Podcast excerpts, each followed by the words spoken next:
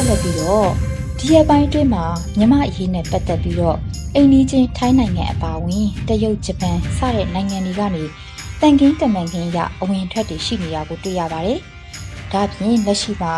ပြည်သူတွေအနေနဲ့ခုခံစစ်တွန်းလှန်တဲ့ရက်ပိုင်းဟာဒီရက်ပိုင်းအတွင်းမှာပြင်းထန်လာသလိုပြည်သူတွေ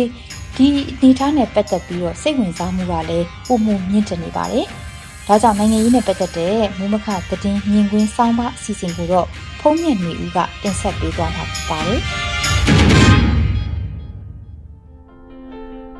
မြန်မာပြည်မှာစစ်တပ်အာဏာသိမ်းပြီး6လ14ရက်မြောက်နေ့သတင်းမြင်ကွင်းစောင်းပါတစ်ပုဒ်ဖြစ်တဲ့တိုက်ခိုက်မှုတွေပြင်းထန်လာချိန်နဲ့တန်တမန်တွေအဝင်အထွက်များချိန်ဆိုတဲ့စောင်းပါတစ်ပုဒ်ကိုတင်ဆက်ပေးသွားမှာဖြစ်ပါတယ်ခင်ဗျာခုရပိုင်းအတွင်း တရုတ်နိုင်ငံကမြန်မာအရေးကိစ္စအထူးတာဝန်ပေးထားသူဆွန်ကော့ရှန်ဂျပန်နိုင်ငံကနီပွန်ဖောင်ဒေးရှင်းဥက္ကဋ္ဌဖြစ်သူဆဆာကာဝါနဲ့တဖန်အိန္ဒိချင်းထိုင်းနိုင်ငံရဲ့ဒုဝန်ကြီးချုပ်နေချင်းမြန်ခီးတို့ကသတင်းတစ်ပတ်အတွင်းတိုက်ဆိုင်စွာ ဖြစ်ပျက်လို့နေပါတယ်။အခုလိုတန်တမန်တွေလာရောက်ခြင်းဟာအာဆီယံရဲ့မြန်မာနိုင်ငံရေးအထူးတန်မြန်မာနိုင်ငံကိုလာဖို့ကိစ္စပြက်ပြယ်ပြီးတလဝင်းကျင်အကြာ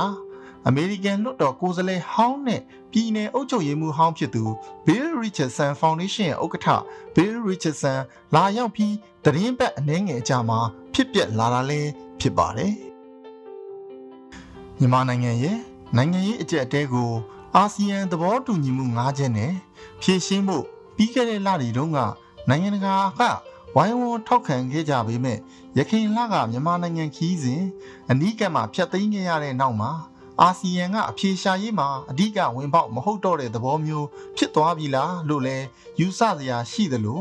အဲ့ဒီနောက်တလဝန်းကျင်အကြာမှာဂျပန်နိုင်ငံကလူသားချင်းစာနာမှုအကူအညီပေးရေးအဖွဲ့တစ်ခုရဲ့ဥက္ကဋ္ဌနဲ့စိစက်ညီနိုင်သူတရုတ်နိုင်ငံရဲ့အထူးတာဝန်ပေးအပ်ထားသူတို့ရဲ့ခီးစဉ်တွေပေါ်ထွက်လာတာလည်းဖြစ်ပါတယ်မြန်မာနိုင်ငံရဲ့ပြဿနာကိုနိုင်ငံရေးနည်းလမ်းနဲ့ဖြေရှင်းဖို့မအောင်မြင်တော့ဘူးဆိုခဲ့ရင်တနိုင်ငံလုံးအတိုင်းအတာနဲ့ဖြစ်ပွားတယ် ပြည်တွင်းစစ်အစဉ်မျိုးအနေအထားမျိုးရောက်သွားနိုင်တာကြောင့်ဒီလိုအခြေအနေမဆိုက်ရောက်အောင်မြန်မာနိုင်ငံနဲ့အိမ်နီးချင်းနိုင်ငံတွေဖြစ်တဲ့တရုတ်ထိုင်းတို့ကစိုးရိမ်ပူပန်မှုရှိကြမှာအမှန်ပဲဖြစ်ပါတယ်တရုတ်နိုင်ငံအနေနဲ့ဆိုမဟာဗျူဟာလမ်းမကြီးတွေမြန်မာနိုင်ငံဖြတ်ရေနံနဲ့သဘာဝတံငွေပိုက်လိုင်းတွေတခြားသော စီးပွားရေးစီမံကိန်းတွေရှိတာမို့နိုင်ငံလုံခြုံရေးအရာရော စီးပွားရေးအကျိုးထိခိုက်မှုအရာပါမြန်မာနိုင်ငံရဲ့နိုင်ငံရေးထိန်းချုပ်နိုင်မှု ပြက်ပြားသွားမှာမလိုလားတာအမှန်ပဲဖြစ်ပါတယ်ဒီလိုရှုထောင့်နေကြောင်းတရုတ်နိုင်ငံအနေနဲ့မြန်မာအကြက်အတဲကိုဖြည့်ရှင်းဖို့တတ်နိုင်သလောက်စ조사နေတယ်လို့ယူဆနိုင်ပါတယ်ဒီနေရာမှာတရုတ်က NLD ကိုထောက်ခံနေစစ်ကောင်စီကိုထောက်ခံနေဆိုတာတဲ့ပြည်တွင်းစစ်ကျေပြတ်မလာဖို့နဲ့ဘယ်အဖွဲ့ကနိုင်ငံကိုအုပ်စိုးထိန်းချုပ်နိုင်မလဲဆိုတာကိုသာဦးစားပေးလိမ့်မှာဖြစ်ပါတယ်။တရုတ်နိုင်ငံအနေနဲ့ ဘယ်အခြေအနေမျိုးမှမှစစ်ဖြစ်ပွားလို့ဒုက္ခသည်တွေကိုနေမြေတဲ့လက်ခံနေရာပေးတာမျိုးမရှိခဲ့သလိုနေဆက်တွေကိုလည်းအကာအယံတွေတက်နိုင်သမျှကာယံထားတာလည်းဖြစ်ပါတယ်။ပြည်တွင်းမှာစစ်ပွဲတွေပြိပခတွေပုံမူပြင်းထန်ပောက်ကွဲလာရင်ထိုင်းနိုင်ငံလိုမျိုးနဲ့အိန္ဒိယနိုင်ငံလိုမျိုးမှာသာလူသားချင်းစာနာမှုအရာအချိန်ကာလတစ်ခုအထိလက်ခံကြမယ်အလားအလာရှိတာပါဒီလိုအခြေအနေမျိုးမရောက်အောင် အခုလိုတရုတ်နိုင်ငံထိုင်းနိုင်ငံတို့ကတန်တမန်တွေလာရောက်ကြားဝင်ညှိနှိုင်းဖြည့်ရှင်းမှုစ조사ကြတယ်လို့ထင်ပါတယ်အခုအခြေအနေမှာမြန်မာနိုင်ငံရဲ့အထက်နားကျတဲ့ချင်းတွင်းမြဝန်းတစ်လျှောက်ရင်းမပင်ကနီဒဇယ်မုံရွာမြောင်းကလေးဂန်ဟောစတဲ့ဒေသတွေမှာတိုက်ခိုက်မှုတွေလက်ဖြစ်တဲ့နဲ့အော်တိုမက်တစ်တဲ့နဲ့ rifle လက်လုံဘုံမိုင်းအနေနဲ့စစ်ကောင်စီတပ်တွေကိုခုခံတိုက်ခိုက်နေကြတာနေ့စဉ်နဲ့အမျှပဲဖြစ်ပါတယ်။စီရေးရှုထောင့်အရာကြည့်ရင်တော့ပျောက်ကြားစစ်ခုခံစစ်ဖြစ်ပြီးလက်နက်နဲ့စီရေးအတွေ့အကြုံအရာမရှင်းနိုင်ပေမဲ့ PDF တွေဘက်ကလူလူထောက်ခံမှုအများစုကိုရထားတာနေမြေဒေသကိုကျွမ်းကျင်တာကအားတာချက်ဖြစ်ပြီး